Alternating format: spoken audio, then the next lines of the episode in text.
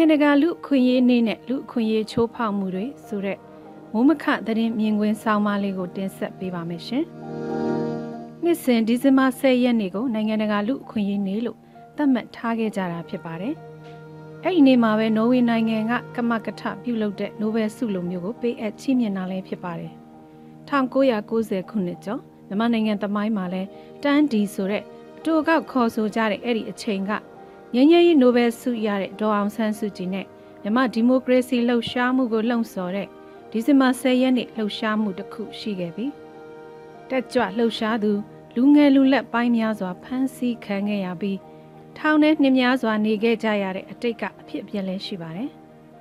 ဒီနှစ်မှာတော့ဆီယနာသိမ့်ပြီးနောက်ပိတ်ပင်လိုက်တဲ့လူအခွင့်အရေးတွေအများအပြားရှိတဲ့အပြင်ဆီယနာသိမ့်မှုစန့်ကျင်ရေးလှုပ်ရှားမှုတွေမှာအင်အားသုံးဖြိုခွင်းတာတွေ စစ်ကြောရေးလို့ခေါ်တဲ့ဖန်စီပြီးစစ်မေးရမှာတယ်အသက်ဆုံးရှုံးကြရသူတွေတရားပြည့်လူနှီးပါဖြစ်လာတာတွေလက်နက်ကိုင်အဖွဲ့မဟုတ်ဘဲအရက်သားတွေကိုတန်တရားနဲ့ဒါမှမဟုတ်ကြောက်လန့်စေအောင်ရည်ရွယ်ပြီးလက်နက်ကိုင်ဆောင်ထားသူတွေကတပ်ဖြတ်မှုကျူးလွန်တာတွေကပြီးခဲ့တဲ့10လကျော်အတွင်းမှတ်တမ်းမတင်ရတဲ့နေ့မရှိရသလောက်အောင်များပြားခဲ့တာဖြစ်ပါတယ်ဒီလိုအခြေအနေအောက်မှာနိုင်ငံတကာလူအခွင့်အရေးနေ့ဆိုတာအထိတ်အမှတ်အနေနဲ့နှိုးဆော်ပြုလုပ်ကြရတာဟာ နာကျင်မှုအပြည့်နဲ့နိုင်ငံတကာလူအခွင့်အရေးတွေကိုနှိုးဆော်ရတယ်လို့ဖြစ်နေပါလိမ့်မယ်။ပြီးခဲ့တဲ့10လကျော်ကာလအတွင်းလက်နက်ကိုင်လည်းမဟုတ်တဲ့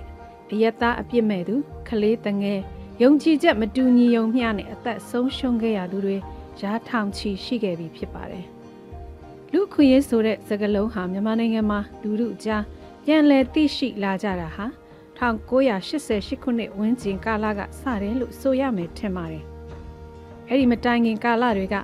ဆိုရှယ်လစ်အရေးကွန်ခြုံထားတဲ့စစ်တပ်လွှမ်းမိုးတဲ့မြန်မာဆိုရှယ်လစ်လမ်းစဉ်အောက်မှာလူအခွင့်အရေးဆိုတဲ့စကားလုံးရဲ့အတိတ်ပဲဖွင့်ဆိုချက်အနှစ်သာရတွေလူသိမများခဲ့တယ်လို့အဲ့ဒီခေတ်အခါကလက်ဝဲဝါဒကလူငယ်တွေနိုင်ငံရေးသမားတွေကြားခစ်စားကြလို့လက်ဝဲဝါဒအရလူအခွင့်အရေးဆိုတာကိုလည်းဒီလောက်အရေးမထားကြတဲ့သဘောလည်းဖြစ်ပါတယ်88ခုနှစ်မတ်လဖုံးမော်အရေးအခင်းလှုပ်ရှားမှုပြီး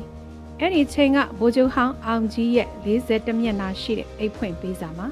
လူအခွင့်အရေးဆိုတဲ့စကားလုံးကိုစသုံးခဲ့ရကလူအခွင့်အရေးဆိုတဲ့ရှုထောင့်ကနေပြည်သူတွေနိုးထလာအောင်လှုံ့ဆော်ခဲ့ကြတာလို့ပြန်သုံးသပ်ရပါတယ်။တကယ်တော့လူအခွင့်အရေးဆိုတာကိုလက်ဝဲဝါဒနဲ့အုပ်ချုပ်တဲ့နိုင်ငံတွေတပါတီစနစ်နဲ့အုပ်ချုပ်တဲ့နိုင်ငံတွေမှာအလေးမပေးကြပါဘူး။နိုင်ငံတော်အတွက်ပစ္စည်းမဲ့လူဒန်းစားတွေရဲ့အာဏာတိစောက်မှုအတွက် စတဲ့အရေးတွေအတွက်လူအခွင့်အရေးကိုတိမ်မြုပ်ထားလိုက်ကြတဲ့သဘောဖြစ်ပြီးအတိအမှန်လည်းမပြုတ်ကြပါဘူး။အာဏာရှင်စနစ်သို့မဟုတ်အာဏာရှင်တစ်စိတ်တစ်ပိုင်းအုပ်ချုပ်ရေးစနစ်တွေလို့ဆိုရင်မှားမယ်မထင်ပါ။မြန်မာနိုင်ငံအရေးကဒီမိုကရေစီပါတီစုံစနစ်ကိုဦးတည်ရာကနေဆီယာနာရှင်စနစ်စစ်တပ်ကအခွင့်ထူးခံတဲ့အာဏာရဲ့အဓိကကျတဲ့အပိုင်းတွေကိုထိန်းချုပ်ထားပြီးရွေးကောက်ခံအရက်သားတွေကကျန်းတဲ့အစိတ်အပိုင်းကိုစီမံခန့်ခွဲနိုင်မဲ့စနစ်ကိုသွားဖို့ စစ်တပ်အာဏာနဲ့ပြန်ပြီးကောင်းတယ်စေတာဖြစ်ပါတယ်။ဒီအခြေအနေအောက်မှာစစ်မှန်တဲ့စကလုံးနဲ့လှည့်စားထားတာမဟုတ်တဲ့လူအခွင့်အရေးဆိုတာကိုရဖို့စ조사ကြရအောင်မှာရုန်းကန်ကြရအောင်မှာဖြစ်ပါတယ်။တကယ်တော့လူအခွင့်အရေးဆိုတာဟာနိုင်ငံရေးအာဏာတရက်ကိုအထောက်အကူပေးတဲ့အရာမျိုးမဟုတ်ပဲလူဖြစ်တည်မှုကိုအတိမတ်ပြုလေးစားတဲ့အခြေခံအယူအဆတရက်အခြေခံလိုက်နာရမယ့်စံနှုန်းတရက်ကိုအားပေးမြင့်တင်ကြတဲ့အရာတစ်ခုဖြစ်ပါတယ်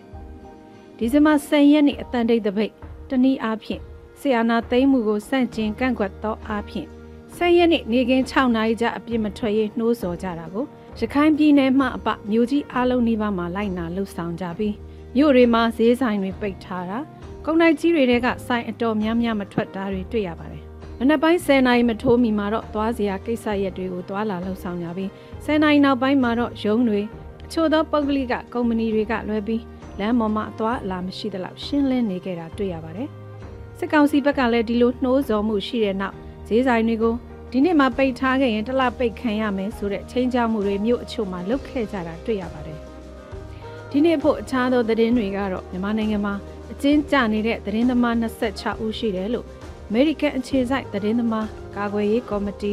CPJ ကထုတ်ပြန်လိုက်ပြီး